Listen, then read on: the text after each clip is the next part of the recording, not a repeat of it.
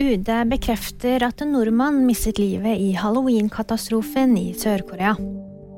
Travel festhelg for politiet og eksplosjoner i Somalia. En norsk statsborger har mistet livet etter en halloweenfeiring i Seoul i Sør-Korea. 153 personer er bekreftet omkomne i kaoset som oppsto i klubbdistriktet Itaewon. Ulykken skjedde da tusenvis av personer som var ute for å feire, ble trengt sammen i en smal gate. Politiet har hatt en travel festhelg. Etter to år med pandemi gikk noen av lørdagens halloweenfester ut av kontroll. Oslo-politiet melder bl.a. at det var flere berusede ungdommer enn vanlig i hovedstaden lørdag, og det har vært flere meldinger om festbråk over hele landet. Minst 100 personer ble drept i to bombeangrep ved Utenriksdepartementet i Mogadishu i Somalia lørdag. Over 300 personer er skadet i eksplosjonene.